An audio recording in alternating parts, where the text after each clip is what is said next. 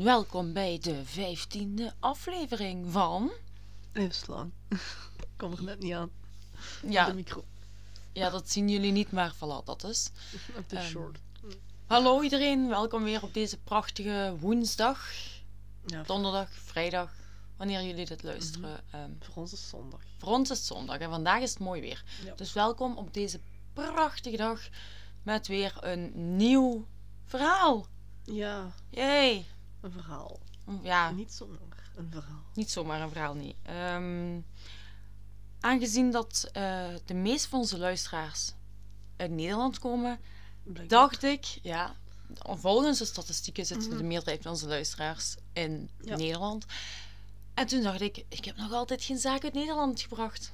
Nee? Het wordt tijd. Het wordt tijd. Dus bij deze, dit is voor al onze Dutchies, een zaak uit Nederland. Het is een zaak die heel recent pas afgesloten is. Echt heel recent, namelijk in 2021 is deze zaak afgesloten. Maar de feiten spelen zich af in 2003. Ja. Ja, dus het is een zaak die heel lang heeft gelopen. En het is een zaak die voor meerdere misschien wel bekend zal zijn. Misschien vooral onder onze Dutchies. Mhm. En het is de postbankmoord. En dat is een moord die gepleegd is op een man genaamd Alex Wiegmink. Ik zelf had er ehm, nog niet van gehoord. Ik ook niet. Ik kende de zaak niet. Het enige wat nu wel toevallig is, is dat het weer een zaak is dat in- verband staat met hardlopen en Ah, joggen en marathons. Dat is waar. Ehm, dat is niet expres gedaan, maar kijk, dan voor onze lopers toevallig. gewoon, kijk, weer een aflevering erbij. Overlopen. Over iets met lopen, ja. Maar het verhaal is helemaal anders dan dat van onze Ja. Carina Vetrano. Dat was, dat was wel een heel ander soort ja, verhaal. Goed. Goed. En wij voor de rest nog iets te melden aan onze luisteraars? Nee. Nee, hè? Ik niet. Ik ook niet, denk ik. Oké, goed. Ja, zo interessant is ons leven ook weer niet, hè? Dat we van alles te melden hebben. Nee. Ja. Zullen we dan maar gewoon met de aflevering gaan beginnen? Ja, Ja. het wel klappen. We moeten klappen. Oh, eigenlijk moeten we stoppen dat tegen elkaar te zeggen en dat gewoon te doen zo. Ja, maar ik- Niemand ziet ons, dus we kunnen makkelijk zo een dikke vette knipoog geven aan elkaar en klappen. Ja, misschien denk je gewoon dat ik dan. Ah ja, dat kan ook, ja. Maakt niet uit, kom. Of jij hebt mijn hint niet door. Maar goed, we gaan klappen. Oké, 3, 2, 1.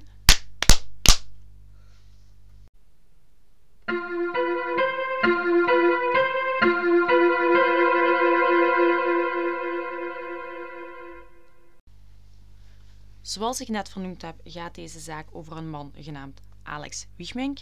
En op het moment van de feiten is Alex 44 jaar oud. En is zij getrouwd met een vrouw genaamd Greet. En samen hebben ze drie zonen. Sander, Freek en Jos. In, in Nederland zeggen ze Jos, hè? niet Jos. Jos, hè? En die zijn respectievelijk op dat moment 12, 11 en 8 jaar oud. Hij is echt een, een heel grote familieman. En hij heeft daarnaast nog twee broers, Peter en Leo. En het gezinnetje woont gezellig in Dremt. En dat ligt in de Gelderse gemeente Bronkhorst. En dit is ook de grootste provincie van Nederland. Blijkbaar. Gelderland is blijkbaar Ah. de grootste provincie van Nederland. En die ligt in het midden en het oosten van Nederland. Volgens ehm? Wikipedia. Nee, in het midden en het oosten. Midden slash het oosten. Ja, weet ik. Ah, sorry. Sorry, dat kan gewoon in mijn hoofd met de oosten. Oké, maar goed. Daar woont dit gezinnetje en Alex die is van beroep een huisschilder. En naast dat hij dus ja, heel devoted was, eigenlijk ja, heel, hoe zeg je dat, heel Gepassioneerd. gepassioneerd was over gewoon zijn gezin, zijn familie, zijn werk, was hij ook een heel fervente hardloper en ook een marathonloper. En een grote droom van Alex was om op zijn vijftigste de marathon in New York te lopen, waarbij dat zijn hele gezin mee zou komen. Mm, ja. En dat was echt een droom van hem en daar trainde hij ook voor. En hij had hiernaast ook, ja, doordat hij zoveel trainde voor marathons en hardloop, had hij ook een hele vriendengroep opgebouwd binnen een ja, zo hardloop society. Ja, Daar. hardloopmensen. En zijn leven leek eigenlijk heel normaal en rustig. Het was gewoon echt, ja, Casual. casual man. Ja, niks speciaals. casual, casual, ja. Maar dat verandert allemaal op 20 januari 2003. Even voor de sfeer mee te geven. Het is dan een regenachtige dag. En die maandagochtend begon het voor het gezin de dag zoals altijd. Dus Ja. de maandagochtend 20 januari 2003 was gewoon zoals altijd. Eh, de oudste zoon van, van Alex die was eh, aan het wachten op zijn vrienden om samen naar school te gaan fietsen. En terwijl dat die zoon aan het wachten was, zag hij, dus eh, zijn papa kwam Alex voorbij gereden in zijn auto. En die auto, dat was belangrijk voor het verloop van het verhaal, Mhm. een metallic donkergroene Opel Omega. Dat was zijn wagen. En die ging naar zijn werk. En Alex die heeft nog getoeterd naar zijn zoon, gezwaaid. En toen is hij afgeslagen naar Arnhem. En waarom naar Arnhem? Daar had hij gewoon een schildersopdracht van huizen. Dus Ja, ja. hij ging naar zijn werk. Wat niemand op dit moment wist, maar spoiler, is dat dit de laatste keer zou zijn dat zijn zoon hem zou Ja. terugzien. Oké. Alex die werkt dus de hele dag daar aan het huis, was al een paar weken bezig aan een klus in Arnhem. En om kwart na drie 's middags is hij klaar met zijn werk. En hij besluit eigenlijk om hierna nog naar het natuurgebied aan de Elsberg te gaan. En dat ligt op ongeveer 15 kilometer van Arnhem. En dat eh, ligt in Reden. En dat was eigenlijk, daar ging hij heel vaak lopen en rennen om ja te trainen voor die marathons. En dat was een heel fijn natuurgebied gebied om ook echt in te gaan lopen. En dit natuurgebied stond ook wel bekend als de Postbank. En dat is vanwege een monument dat er staat. Ja. En het noorden van het gebied. Dus de, en dat monument noemt de Postbank, maar eigenlijk wordt het in dit scenario gebruikt als gewoon een benaming voor het gebied. Hè, dus ja, het ja, ja, loopgebied waar hij zit, dat is de postbank. En hij komt aan, rond, rond vier uur komt hij dus aan eh, bij de postbank. En hij parkeert zijn wagen op een rustige parkeerplaats, genaamd de Bloemers parkeerplaats. En dat ligt aan de burgemeester Bloemensweg. En deze parkeerplaats lag al echt zo aan dat gebied, aan het bosrijke gebied waar het begon. Ja. Eh, hij besluit zich nog snel om te kleden in zijn auto en zijn loopkleren. En ondanks dat het, ja, het is nog maar januari, het begint te schemeren natuurlijk, Ja. rond een uur of vier, begint hij aan zijn vaste looproute. Want dat is een heel bekend gebied voor hem. En of het nu schemert of het daglicht is, hij kent dat gebied eigenlijk van, Van buiten. van buiten. Ja. Dus voor hem was dat, was dat niks speciaals. En normaal gezien, hij ging ongeveer drie keer per week lopen. En dat, hij ging altijd ongeveer een uurtje lopen, zodat hij op tijd thuis was voor het avondeten Ja. altijd. Maar op deze 20 januari gaat dat anders lopen. Zijn vrouw, Greet, die is verbaasd dat, dat haar man Alex nog niet terug is op het moment dat ze het eten eigenlijk klaar is. Hè? Want Alex was altijd heel erg punctueel en was stipt op tijd. Hè, ze besluit dan toch om nog even te wachten. Maar zo tegen 7 uur s'avonds, wanneer hij nog altijd niet thuis is, begint ze wel Ja. ongerust te worden en begint ze wat de paniek toe te slaan. En ze besluit hierop, eigenlijk direct rond 7 uur, om naar buiten te stappen. We staan met een van de zonen de auto in. En ze gaan Alex gaan zoeken. Want ze wisten wel dat hij bij de postbank Ja, ja. altijd ging lopen. Eh, op dit moment is het ook al donker overal. Hè? Ja, het is januari. En ze zijn aan het zoeken in het natuurgebied. En er is weinig verlichting. En dat maakt het moeilijk. En ze zijn toch een hele tijd aan het zoeken. Maar zijn vrouw wordt meer en meer ongerust, want ze kunnen zelfs zijn auto niet vinden. Dus naast Ja. dat ze Alex niet kunnen vinden, Auto niet, ja. kunnen ze ook zijn auto nergens vinden. En op dat moment belt ze naar de politie. Hè, besluit ze er hulp bij te halen. Maar wat zowel de politie daar als de vrouw van Alex nog niet weten, is dat op dat moment zijn lichaam al gevonden is. Ah, oké. Waar? Op zo'n 80 kilometer van de postbank af zou er iets na 8 uur s'avonds een uitgebrande auto gevonden zijn in Erp. Op 80 kilometer Ja, van de ver. postbank. Dat is ver weg. En wanneer dat vuur gedoofd is, vinden ze tot een grote schrik op de achterbank een verkoold lichaam terug. En ze kijken naar de auto, de nummerplaat is wel nog Ja. zichtbaar en ze besluiten om te checken. En dan komen ze erachter dat de auto dus op naam van Alex Wiegmink staat. Hè? Onze hardloper die Ja. 80 kilometer verderop voor zijn loopronde ging, hè? die nu daar lag. En ze checken ook nog snel de gebitsgegevens en zo. En hier komen ze er dus achter dat het effectief Mhm. om Alex Wiegmink ging. Hè, dat wordt dan ook jammer ja, genoeg meegedeeld aan Ja. de vrouw, aan de kinderen. En het eerste wat iedereen eigenlijk opvalt, is dat hij het wel heel ver weg van de postbank is gevonden. Hè? 80 kilometer. Ja. En de politie staat voor een raadsel en die hebben zoiets van... Hoe kan die op 80 kilometer van waar hij... Ja, Normaal is. Zijn. Hoe komt hij daar terecht? En de, de grote vraag eigenlijk wordt van... Wat is er tussen 4 uur 's middags en 8 uur 's avonds gebeurd? Wat is er tussen die tijdsperiode gebeurd dat hij dood is teruggevonden, zo ver weg van zijn loopplaats? Ja. Hm. Voordat ze echt met onderzoek beginnen, wordt er eerst een autopsie uitgevoerd. En daaruit blijkt dan misschien wel gelukkig dat Alex wel al overleden was voordat de auto in brand werd gestoken. Dus dat hij niet Ja. levend verbrand is.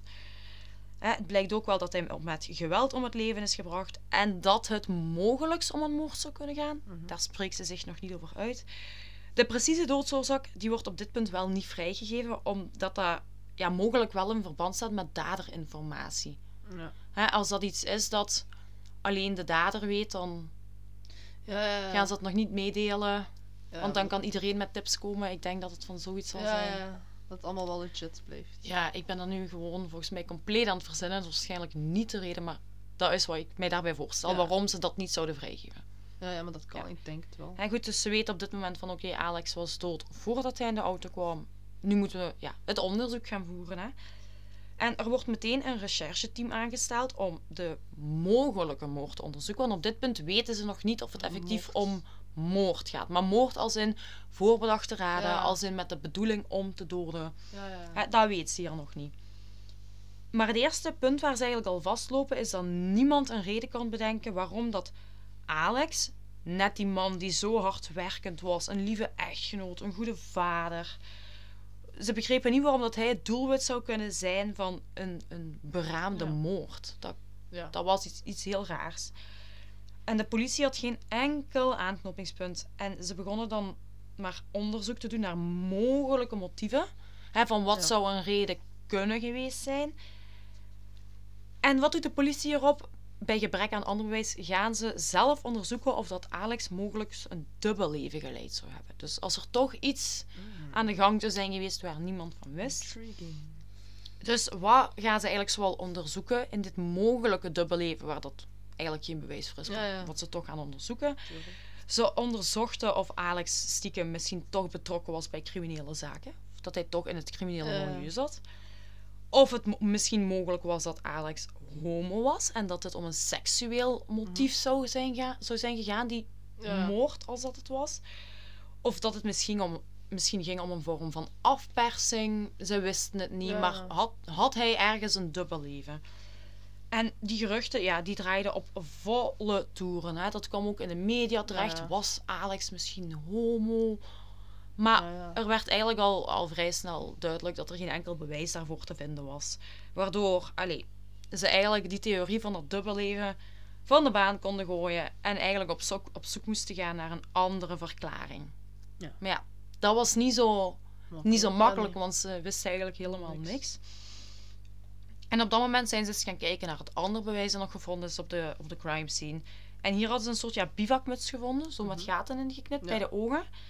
En op die bivakmuts stond het, Amerikaanse, het logo van het Amerikaanse honkbalteam van de Chicago White Sox. Hmm. En op deze muts zat, zaten DNA-sporen, maar van een onbekend Ja, iemand. En er zat ook hondenhaar op die muts. Dat was Hmm. daar ook gevonden Ja. bij die auto. En een andere aanwijzing die de politie had, vraag me niet hoe ze hier aan zijn gekomen, dat heb ik niet gevonden. Ik weet niet waarom. Maar er was een vermoeden dat het om de dader of de daders in een blauwe Audi 80 zouden rijden. Dat Hmm. was een vermoeden dat er was. Ik heb niet gevonden waar dat vermoeden vandaan kwam. Ondanks dat ik heel veel artikelen erbij heb gehaald. Ja. Maar er was wel een vermoeden dat, dat het om een Audi 80 zou gaan. Als, ja, waar de daders, Ja, dader ja. of daders in reden, ja. Maar ook ja, hier kwam ook weer niks uit. Opnieuw. En eind oktober 2003, dus nog maar een goede tien maanden na de moord, wordt het rechercheteam, dat ze ondertussen de naam het Bloemers-team hadden gegeven, hè, van, de, van de parking die er is, hè, bij de Bloemersparking, die werd na tien maanden al ontbonden door gebrek aan bewijs. Oké. Dus tien maanden later Ja, niks. zag het er eigenlijk al naar uit dat, dat die zaak, ja, dat er niet meer veel mee ging gebeuren. Nee. En die beslissing om dat team al zo snel te ontbinden, komt heel hard aan bij de, bij de nabestaanden. Hè? Mhm. Omdat er is nog niks opgelost van. Nog geen enkel aspect is opgelost. Nee, nee. En de familie heeft vooral de vraag: waarom is Alex vermoord? Waarom hij? Dus voor hun is dat heel moeilijk te plaatsen Dat gaat niks. dat dat al zo snel ontbonden wordt, dat team. En het blijft een tijdje stil, maar wat wel dan vrij snel duidelijk wordt na de moord, is dat er blijkbaar wel een getuige was geweest die avond bij de postbank. Oh, Bij de, Ja, bij de... dat loopt. parking, bij de parking daarvan. Ja. En die heeft blijkbaar diezelfde avond de politie nog gebeld gehad. Ook daar. Wat was er gebeurd? Het ging blijkbaar om een fietser die er eigenlijk net toevallig langs Ja. de parkeerplaats reed. En die heeft verteld dat hij rond een uur of vijf, dus wanneer Alex inderdaad ongeveer klaar zou zijn met zijn loopronde, als hij een uur loopt en hij begint om vier, Ja. hè, dan zou hij om, rond vijf uur inderdaad terug bij zijn auto ja. zijn. Dus wat zegt die fietser? Rond vijf uur hè, heb ik een situatie gezien die was nogal vreemd, zei hij. Hij zag twee mannen rechts staan en een persoon op de grond liggen. Dan zag hij dat er bloed op dat t-shirt zag. Waarop hij dan zoiets had van... Shit, is, het een, is het een lichaam? Ja. Maar omdat hij ja, natuurlijk schrik had om Ja, dichterbij te komen, is hij doorgefietst en heeft hij zich iets verder in de bosjes verstopt en toen de 112 gebeld. Dat heeft hij gedaan. En eigenlijk was de politie heel snel ter plaatse, want tien minuten later waren die al. Maar op het moment dat, dat die ter plaatse komen, was Ja. alles weg. Ze- Wat was dat? het lichaam was weg, de, de mannen waren weg. Ja. Ze wisten van niks. Ze wisten helemaal niks. Ja, dus daar werd ook naar gekeken van ja, nou, hier is niks meer. En die zullen ook niks hebben kunnen Ja, doen ik dacht zeker dat het een grap eh, voor de rest. Ja. Ja. En in 2004 wordt het onderzoek heel even opnieuw geopend in verband met nieuwe tips die ze hebben gekregen. Maar al heel snel wordt dat onderzoek alweer stilgelegd. Dus dat is heel Ja. even terug onderzocht geweest in 2004. Weer stilgelegd. De zaak was nog altijd onopgelost. Totdat onze welbekende misdaadverslaggever, Peter R. de Vries, Mhm. een aflevering wijdt aan de zaak. Het is namelijk zo dat hij de zaak al vanaf het begin nauwgezet volgt. En op dat moment heeft hij ook al contact met de familie Ja. van Alex, al een hele tijd. En er gebeurt dus heel veel jaren niks. In 2003 gebeurt dat. Maar ineens, op 22 maart 2008, krijgt Peter, hè, bij de redactie, krijgen ze een tip binnen van een anoniem persoon die toch de aandacht opeist. Dus die tip Ja. komt vijf jaar na de moord binnen. En wat staat er in die brief die ze krijgen? Hè, Het is zoals ik zei een anonieme getuige. Mhm. En die zegt dat hij meer weet over de moord en over de vermoedelijke dader of daders. Wat zegt hij? Deze man vertelde in de brief dat niet lang na de moord een Arnhemse man genaamd Bernard K. Hè, de achternaam weten we niet, K. Dat die zou hebben gezegd dat hij een man bij de postbank had vermoord. Die ze Oké. dat gezegd hebben. En als reden zou die Bernard hebben gezegd dat hij geen andere keuze zou hebben gehad. Hè? Mhm. En over het motief zegt onze anonieme schrijver dan dat het te maken zou hebben met het feit dat deze man, deze Bernard, in het criminele milieu zou verblijven.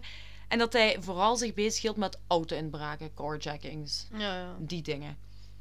En deze man zou een gewelddadige reputatie hebben en daarnaast zou het geweten zijn dat deze man een vuurwapen droeg, hè, deze Bernard K. Ja. En daarna zou, daarnaast zegt deze bron ook dat Bernard bekend was bij de postbank, omdat hij daar heel vaak zijn honden uit ging laten. En ook net daar heel veel auto-inbraken ging doen. Hè. Mm, Dus ze dachten van, hè, die zei van, hij heeft het motief, hij heeft iets toegegeven. Ja, dus Dit is de man. En met toestemming van de, van de anonieme tipgever wordt deze informatie doorgegeven aan de politie. En dan komen ze erachter dat de politie ook al wel bekend was met deze Bernard K. Dat ze Ja. die wel al hadden gemerkt.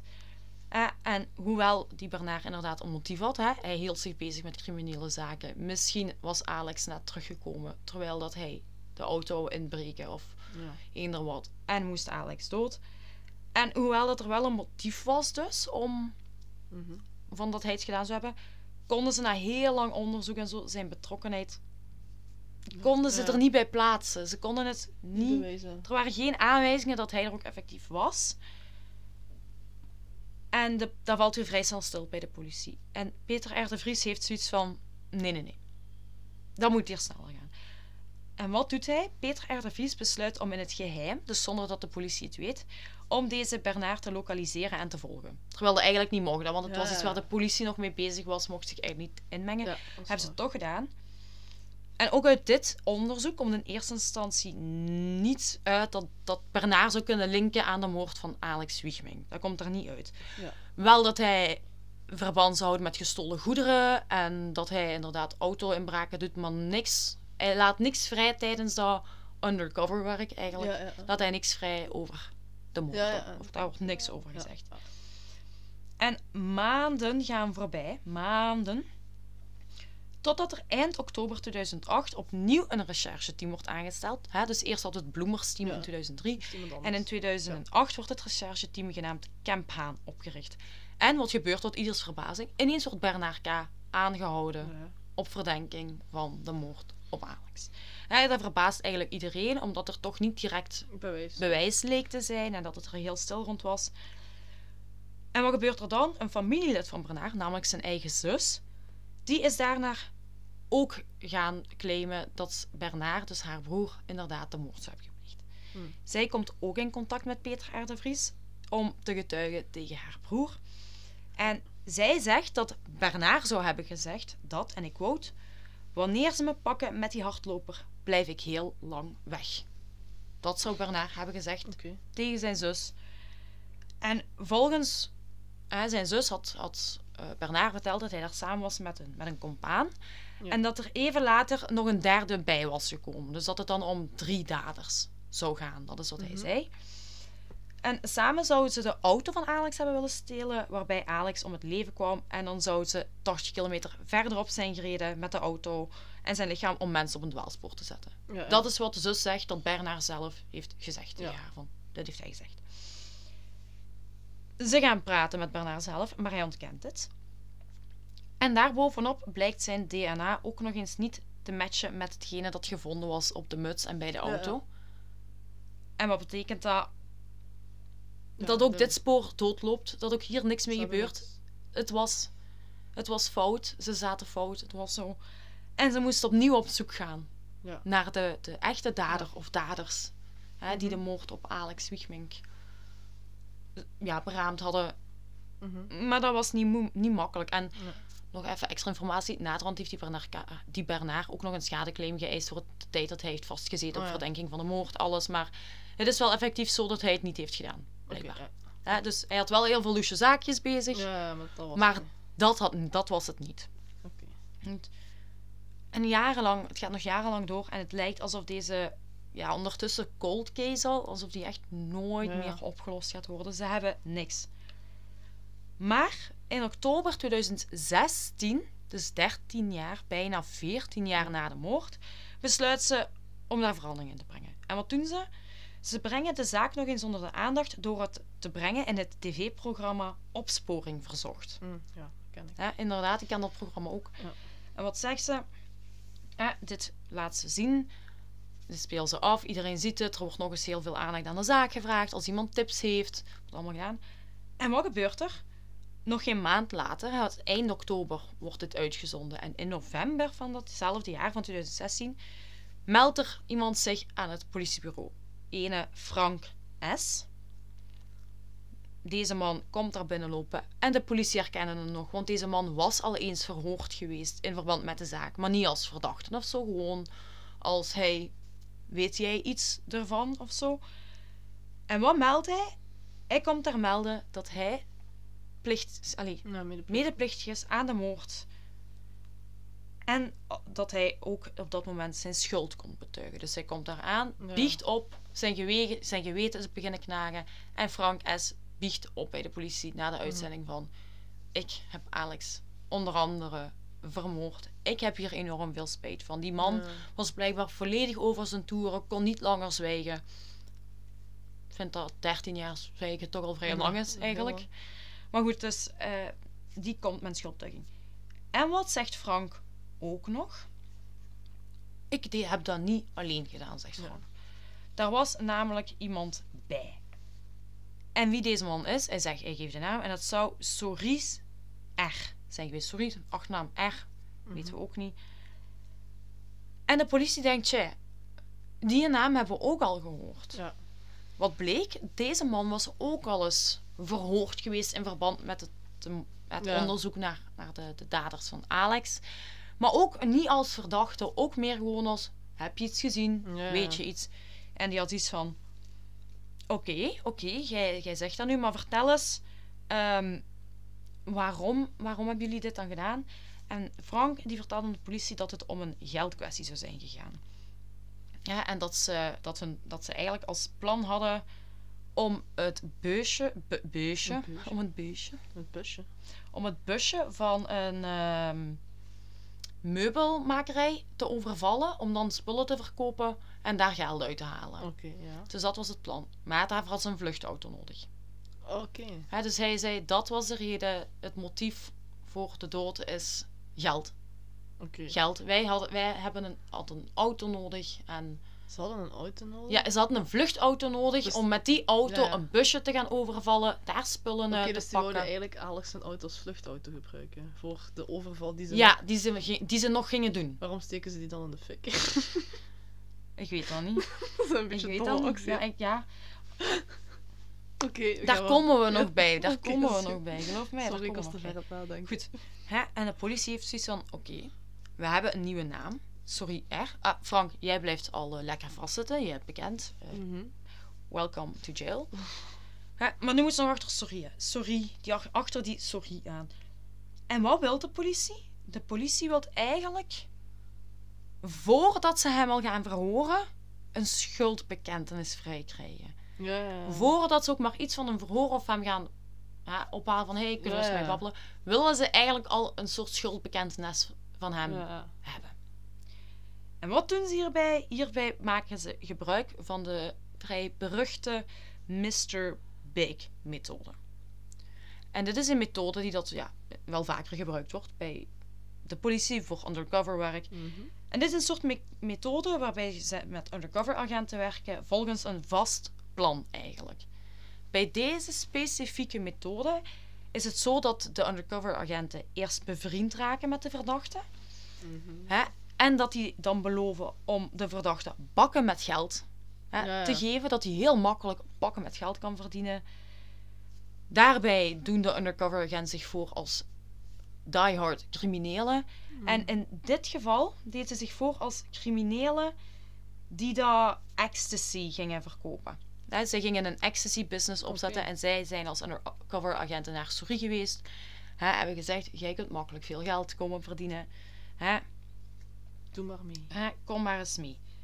En dat gaat, en zo speelt dat zich af. En na verloop van tijd vragen ze dan aan de verdachte of die mee wilt helpen met bepaalde klusjes te doen, hè, om zo dus snel dat geld Ja. te verdienen. Maar bij deze methode is dat altijd op één voorwaarde. Ze moeten dus eerst het een en het ander opbiechten over het criminele verleden Ja. van zichzelf. Dus voor ze mee mogen doen, Ja. moeten ze eerst eens wat bekennen. Zo werkt de algemene methode. Mhm. En de methode is, zoals gezegd, vrij slim, maar is ook vrij berucht. Omdat het erom gaat dat ze er eigenlijk al van uitgaan dat de persoon die ze op het oog hebben gedaan iets gedaan heeft en dat gaat bekennen. En wat zegt men daaruit? Daaruit komt de vraag of het wel oprecht is of dat de verdachte gewoon enorm beïnvloed wordt het- tot iets te ja, zeggen wat misschien uiteindelijk toch niet niet, waar is, ja, ja. waar blijkt te zijn. Hè? Is wel. Ja, en dat is dus wel een beetje de vraag die wat reist bij die methode. Maar goed, ze hebben hem toegevast. Hè, en zoals ik zei, deden de undercover agenten zich in dit geval voor als eh diehard crim- criminelen die een handel in de ecstasy-pillen aan het voorbereiden waren.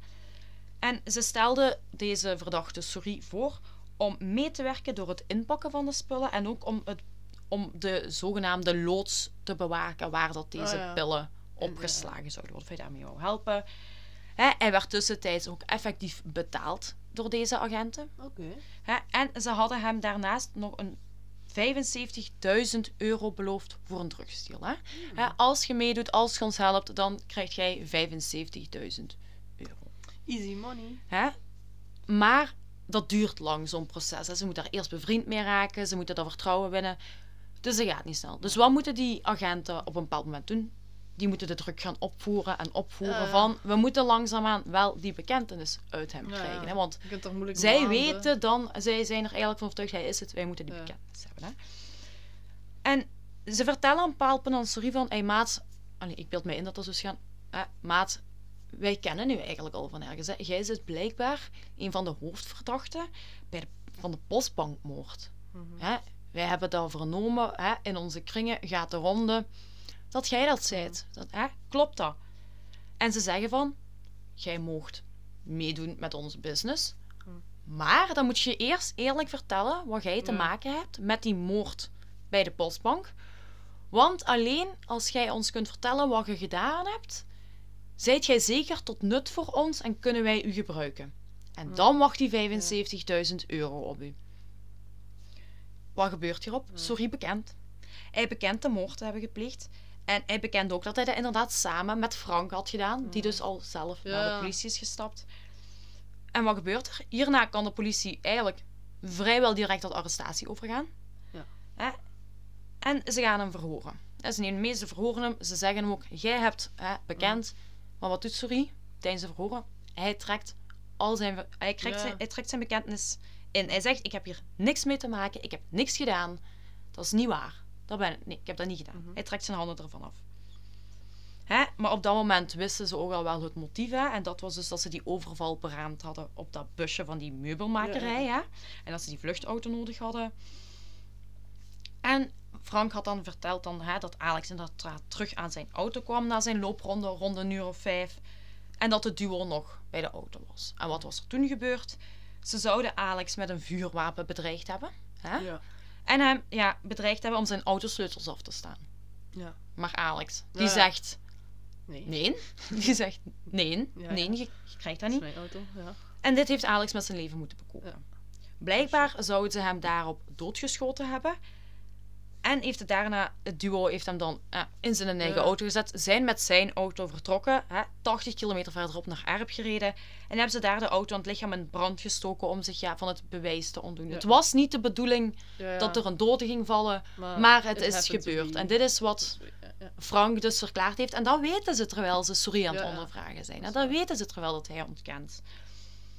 En wat dus wel dit heel jammer is wat eruit voorkomt, is dat Alex vermoord is, dat zijn leven hem is afgenomen puur en alleen voor een geldkwestie. Voor zijn auto ook. Voor zijn auto te kunnen gebruiken. En voor... zodat zij geld kan krijgen. Ja, inderdaad. En daarvoor is- Alex vermoord. En ondanks dat deze Souris alles ontkent, kan men hè, door middel van die bekentenis die ze verkregen heeft tijdens Ja. het undercoverwerk, wel beide mannen vervolgen. En in april 2017, dat is eigenlijk nog niet lang Hmm. geleden, in april 2017 worden zowel Frank als Souris terechtgesteld wegens de moord, gaan ze op dat moment vanuit, Ja. op Alex. Maar het Openbaar Ministerie houdt wel in het achterhoofd dat het niet per se moord is, maar dat het ook kan gaan om hè, dat er mogelijk wel een carjacking gaande was. Of dat Alex getuige was geweest van een criminele transactie en dat hij daarin vermoord zou zijn. Dat het niet per se met voorbedachte raden was. Hè, het dus ze wel- houden wel ergens rekening met het feit dat het niet per se. Ze hadden niet gepland om iemand is. te vermoorden. Ja. Hè, en aan het duo wordt dus dan lastiggelegd. Hè, er zijn meerdere dingen die het duo ten laste gelegd kunnen worden. Oftewel moord. Hè, dat is dus dat ze Alex met voorbedachte raden hadden doodgeschoten. Dat was één. Ja. Oftewel konden ze berecht worden voor gekwalificeerde doodslag.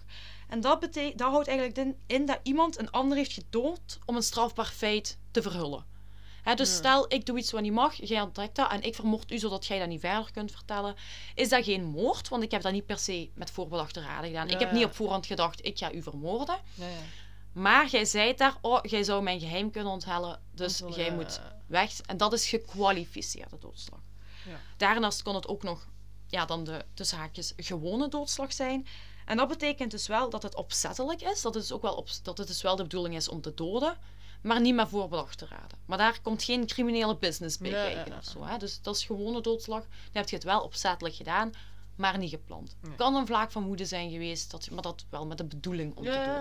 inderdaad. Dus dat kan het. Maar als laatste kan het ook zijn dat ze schuldig bevonden kunnen worden aan diefstal slash bedreiging met geweld en of afpersing of een poging tot deze dingen met de dood van Alex tot gevolg. Dus dan is het meer een soort van ongeluk, wil ik niet zeggen, want dat is het niet als je iemand doodschiet. Maar voor mijn gevoel komt het daar zo op neer. Schuldig aan diefstal slash bedreiging met geweld en of afpersing met de dood van Alex tot gevolg. Dus dat hij in dat proces per ongeluk, Ja, ja, per ongeluk dood is gegaan, denk ik. Ja. Ik- ik- Ja, Hè? vermoord Ja. is. Oh, ja, nee, dat is... Ja. ja, het Dus, klinkt eh, heel vreemd. Ja, het Het is niet zeker, ja. hij is gedood, maar ze weet niet of hij vermoord is. Was het moord, dat weten ze niet. Hè? Dat moeten ze nu gaan Ja, onderzoeken. ja, ja. Ik, ik snap wat je Ja? wilt zeggen. Zijn er mee? Ik ja, wil ja, dat... ja, ja, want het is ook nog een ding van... Ja, die kwam van dat... Hè, mag ik nu even lullen? Ja, Ja, doe maar. En dat, dat is ook het ding van... Waren die mannen al aan zijn auto bezig en hij kwam eraan en die zag en die zo. Hé, hey, blijf van mijn auto af. En dat die zoiets hadden van... Ah, ik zie je dood. Of die zat al aan zijn auto en die hadden het ding van... Oh, kom, we halen die eruit. En Mhm. dat is denk ik ook nog een verschil. Ja, niet? Ja, zeker. ja, ja. Dat, dat telt allemaal mee daarin. Hè. En da daarom dat er zoveel mogelijkheden zijn van Ja, wat ja. ze schuldig kunnen zijn. Omdat uiteindelijk weten alleen zij, Zij, de ja, ja. echte waarheid. Maar één van de twee blijft ontkennen. Hè. Ja, ja. Sorry, blijft ontkennen. Dus... eh, Ja, dat is dan Dus- alleen die andere zo'n hoofd. hè. ja, Ja. inderdaad. En wat tijdens die rechtszaak hè, wordt, krijgen ze ook nog verweten. Hè. Brandstichting wordt er Ja, ook ten laste gelegd. Wordt ze ook verweten, maar krijgen ze ook ten laste gelegd. Hè. En tijdens het proces kwam wel naar boven dat er blijkbaar wel verschillen waren tussen het verhaal dat Frank aan de politie had verteld Ja. en hetgene wat Sorry zou bekend hebben tijdens deze undercover-actie. Dus dus Ja, daar zaten blijkbaar wel verschillen in. En hierdoor bleef het verhaal ja, alsnog iets of wat onduidelijk. En was het dus moeilijk om, om echt per se moord erop te kunnen plakken. Ja, En wat doet de rechtbank? Zij besluiten om hun wel, om de doodslag wel bewezen te achten. Hè, met daarnaast de brandstichting en het uitvoeren van criminele activiteiten. Ja, ja. Dus die drie dingen. Maar ze worden veroordeeld voor doodslag. Hè? Oké. En Frank wordt veroordeeld tot 14 jaar en Sorry wordt veroordeeld tot 16 jaar. Ik weet niet waarom. Ik, mijn vermoeden is misschien dat Frank minder heeft omdat hij bekentenis heeft afgelegd, omdat hij schuld heeft betuigd en dat dat waarschijnlijk wel wat meespeelt. Ja, maar ja. Sorry, die dus niet bekend zou hebben, Ja, ja. die, twee jaar. ja, die Ja. wordt, krijgt 16 jaar. is nog niet... ah, ja. En eh, het, het Openbaar Ministerie heeft iets van: "Oh, wij zijn niet akkoord. Het Openbaar Ministerie gaat een hoger beroep en ze eisen 16 jaar voor allebei. Ze willen dat Frank Ja. ook 16 jaar krijgt. Dus ze gaat naar een hoger beroep. Hè, alles wordt nog eens opnieuw bekeken. En het gerechtshof van Arnhem-Leeuwarden kwam hier tot het besluit dat de voorbedachte raden wel bewezen was. Dus zij komen hier ineens met een heel andere uitslag. Dus zij zeggen het is wel bewezen en wel waarom. Blijkbaar zou een van hen, voordat het feit zich Ja, had afgespeeld, een soort ja, snijbeweging over de hals hebben gemaakt. Zo, ja, ja, hoe moet ik dat uitleggen? Ik ben dat nu aan het voordoen. Ja. Naar de ander. Wat zou wijzen op, wij gaan die omleggen. En dan is het voorbedachte raden. Ja, ja, dus zij zeggen, jawel, dat is bewezen geacht. Hè, voilà, het is wel moord, het is geen doodslag. En beide krijgen hier een gevangenisstraf van 18 jaar opgelegd. ja. Dus in plaats van dat ze allebei 16 krijgen, doet het, 18. hè, doet het gerechtshof er nog een stap bovenop en krijgen ze allebei 18 jaar cel. Ja. Maar dan ontstaat er zo een beetje amok, een beetje rumoerigheid rond die hele Mr. Big methode. Mm. Want dan wordt er gezegd, er worden vragen gesteld bij die, bij die onderzoeksmethode. En ze vragen zich af of de bekentenis van Sorry wel, wel Oprecht. oprecht en Ja. rechtmatig verkregen kan zijn op die manier. Omdat die, die undercover agenten die hadden de druk heel erg Ja, deden opgevoerd, uitgeoefend. Omdat ze ervan uitgingen dat hij sowieso een bekentenis Ja, ja. zou geven. Inderdaad. Hè? Misschien En- was dat gewoon een ja. stoerdoener. Hier komt dus inderdaad een vraag bij, hè, van wat gebeurt er? En Sorry zegt ook van, ik heb dat helemaal niet gedaan. Ik heb dat gewoon gezegd en toegegeven, zodat ik dat geld zou kunnen krijgen. Ik Ja. moest dat bekennen van hun. Zo, en ik heb dat gedaan om dat geld te krijgen. Maar ik heb dat helemaal niet echt gedaan. Ja, ja, ja. Hè, dat zegt hij. En Sorry besluit om met een cassatieberoep te gaan. Hè, daarbij wordt niet de zaak opnieuw bekeken, maar gewoon of alles op een juiste manier verlopen is in het onderzoek. Hè, dus die gaat in cassatie bij de Hoge Raad. En men adviseert eigenlijk dat er een gedeeltelijke vernietiging van de uitspraak zou moeten komen. Dus dat eh, de straf van Sorry wordt weggepakt. Mhm. Omwille van een manier waarop de bekentenis verkregen zou zijn. Hè, dit advies wordt gegeven in juni 2019. Dus we zijn alweer twee jaar nadat ze de eerste keer voor de rechtbank kwamen. Ja. We zijn weer twee jaar verder. En in december 2019 oordeelt de, de Hoge Raad dan in cassatie dat de veroordeling van Sorry inderdaad niet, niet oké is, dat dat niet mag, omwille van eh, de manier waarop het eh, bewijs Ja. verkregen is en dat deze bekentenis geen stand zou houden. Ja. Maar wat gebeurt er dan? De Hoge Raad, die kan dat wel zeggen, hè, dat moet opnieuw gebeuren. En daarna moest het Haagse Hof, dus Mhm. ik denk nog een stap hoger, ik ben niet zo bekend met het Nederlands recht, maar de Hoge Raad zegt dit in cassatie van hè, het moet opnieuw bekeken worden. En dan moet het Haagse Hof eigenlijk gaan beoordelen of de bekentenis van Sorry betrouwbaar genoeg is. Ja, zij moeten gaan zeggen, wij, wij gaan nu checken of die bekentenis betrouwbaar genoeg is. En wat zegt het Haagse Hof? Die doen zelfs geen uitspraak over of die bekentenis juist of fout Ja. is. Wat zeggen zij? Ongeacht die bekentenis, is er voldoende ander bewijs. We hebben zijn DNA gevonden op de auto, op de muts. En wij geloven de bekentenis van Frank. Die komt heel geloofwaardig over, die lijkt op alle vlakken geloofwaardig. Dus dat alleen is ook genoeg om hem te veroordelen. Dus die bekentenis maakt hier zelfs niet, dat maakt niks uit. ja. Dat is niet waar dat Sorry op hoopte. Ja, Maar. En wat gebeurt er in februari? Dus ze zeggen van, dat is wel betrouwbaar, eh, je kunt niks doen. Wat gebeurt er in juni 2021? Februari 2021, Mhm. sorry iedereen. In februari 2021 eist het Openbaar Ministerie, gaan ze nog wat hoger mikken en eisen ze 20 jaar voor- tegen ja. Niet meer tegen Frank, want bij hem is geen herziening Ja. gedaan. Hè? Dus hij zit voor 18 jaar. Sorry wordt opnieuw gedaan. En het OM wil terug een stap Ja. hoger. En nu wil ze hem 20 jaar vastzetten. Hè? En dan op 26 februari 2021, maar iets meer dan een jaar geleden, oordeelt het gerechtshof van Den Haag dat Sorry alsnog ook schuldig is aan de moord. En hij wordt opnieuw veroordeeld tot 18 jaar. Tot Niet tot 20 jaar, Ja, 18. tot 18 jaar. En wat kan men, kan men dus eindelijk zeggen sinds februari 2021? Dat na 18 jaar de moord en de zaak eindelijk ja. opgelost is. Er zijn antwoorden. Daarom niet de antwoorden die men Ja, wilt klopt. horen Ja. natuurlijk. Dat het blijft moeilijk. Maar het is eigenlijk pas sinds vorig jaar dat er een rust is kunnen komen voor nabestaanden. Dat het in principe achter de rug is. Zoiets is natuurlijk nooit achter de rug. Nee, Maar na 18 Ja. jaar, je had niet helemaal die, dat je doet met advocaten en rechtbank. ja, ik denk valt als er iets is, dan kan nu het echte rouwproces Ja, ja. misschien beginnen. Het hoeft niet constant weer opnieuw op. Ja, inderdaad. Dat, dat is, daar zijn ze gelukkig door. Ja. En als we zo'n beetje kijken naar de nasleep, of wat er allemaal is gebeurd door de moord op Alex Ja. Wiegmink, dan werd er van 2003 tot 2013 door Aad Stijlen, en dat is een voormalige marathonloper en ook een hardloopvriend van Alex, Mhm.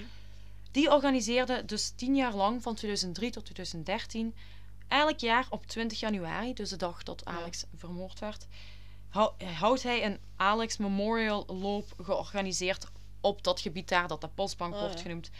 En dat doen ze samen met een trimgroep na- genaamd het Houten Kruis met een Alex Memorial beker voor de winnaar. Dus dat wordt eigenlijk elk jaar ter nagedachtenis hebben ze dat gedaan, Mhm. tien jaar lang. En fun fact, in 2007 werd de loop gewonnen door Sander Wiegmink, een van de zonen van Alex. Ja. heeft toen de Alex Memorial Loop gewonnen. En in 2017 vond de allerlaatste editie plaats. Ja, want op dit punt werd natuurlijk, ja, werden ze berecht al de eerste keer, waren de moordenaars in principe Ja, ja, daar. En wat hebben ze gedaan toen? Op het moment dat die berecht werden, ja, toen wisten ze natuurlijk nog niet dat dat nog wel een aantal jaar ging duren. Ja. Wat hebben ze toen gedaan? Toen werd een allerlaatste editie van de Alex Memorial Loop gehouden. En hielden ze een minuut stilte.